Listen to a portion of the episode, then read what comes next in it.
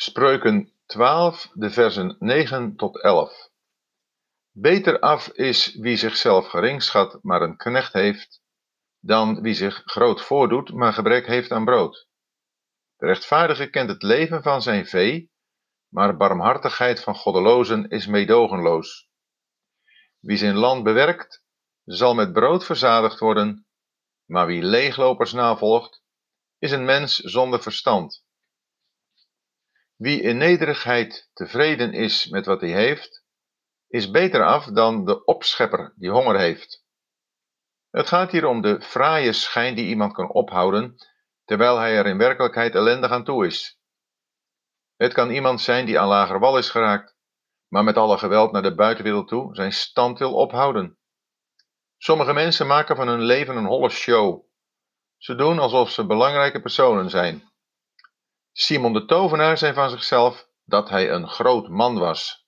Handelingen 8, vers 9.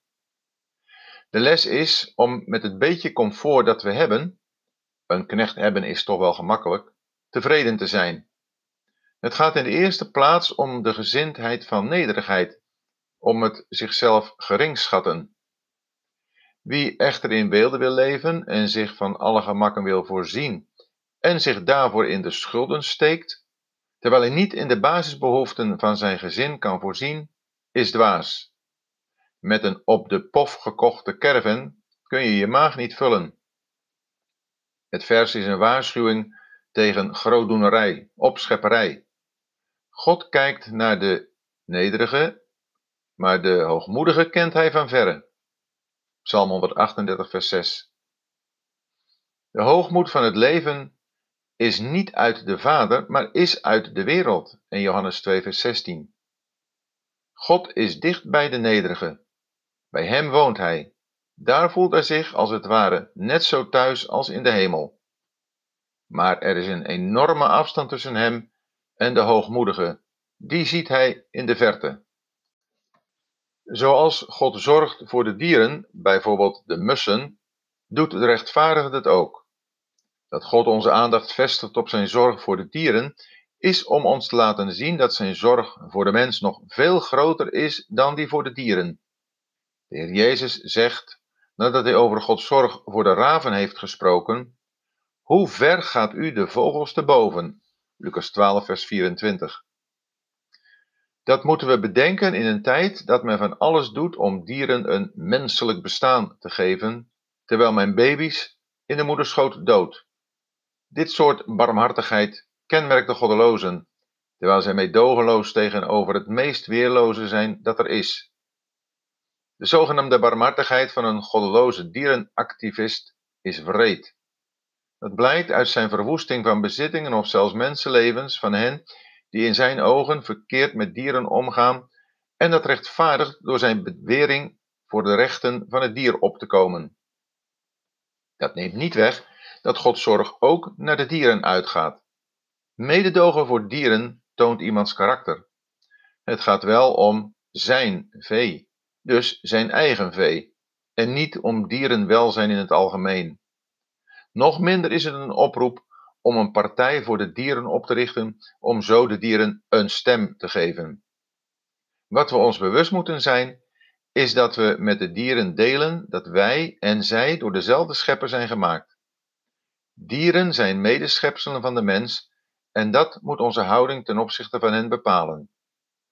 God heeft bijvoorbeeld voor de mens een rustdag bepaald, maar daarbij tevens laten vastleggen dat ook de dieren op die dag moeten rusten. Exodus 20, de versen 8 tot 11. Dieren zijn aan de mens gegeven om hem te dienen en ook tot voedsel, niet om ze te misbruiken. De rechtvaardige zorgt niet alleen voor zijn vee, maar hij kent het leven van zijn vee.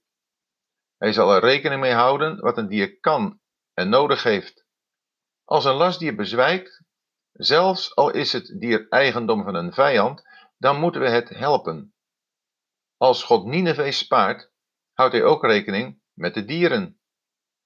De rechtvaardige zal het dier te eten geven als het werkt.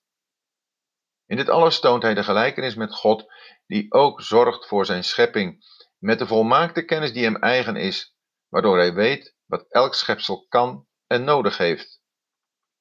De bedoeling van het vers is erop te wijzen dat de rechtvaardige voor iedereen goed is, zelfs voor zijn vee, hoeveel te meer dan voor zijn naaste.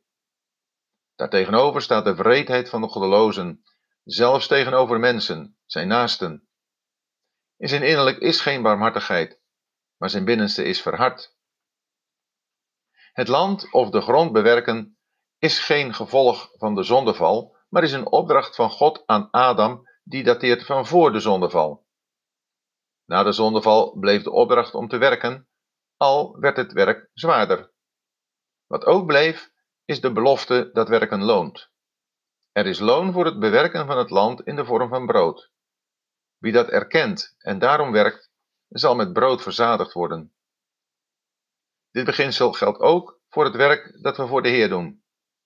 Worden opgeroepen altijd overvloedig te zijn in het werk voor de Heer en mogen weten dat dit niet te vergeefs is, maar beloond zal worden. In Corinthiërs 15, vers 58. Iedere gelovige heeft een stuk land om te bewerken. Als hij een gezin heeft, is dat land in de eerste plaats zijn gezin. Daaraan zal hij aandacht moeten geven en tijd moeten investeren. Ook in de gemeente moet werk worden gedaan. Wie zijn taak trouw verricht, zal door de Heer beloond worden. Tegenover het bewerken van het land staat het navolgen van leeglopers. Leeglopers zijn mensen die ijdele dingen of lege dingen nalopen, ofwel fantasieën of dromen. Wie zich graag bij zulke mensen aansluit, bewijst daarmee dat hij werkschuw is. Het gezelschap van leeglopers bestaat uit leeghoofden, dat zijn hoofden zonder verstand. Er is geen aandacht voor God en zijn woord. God heeft gezegd dat wie niet wil werken, ook niet zal eten. 2 Thessalonicenzen 3, versen 10 tot 12. Dat zullen de leeglopers zeker een keer tot hun schande ervaren.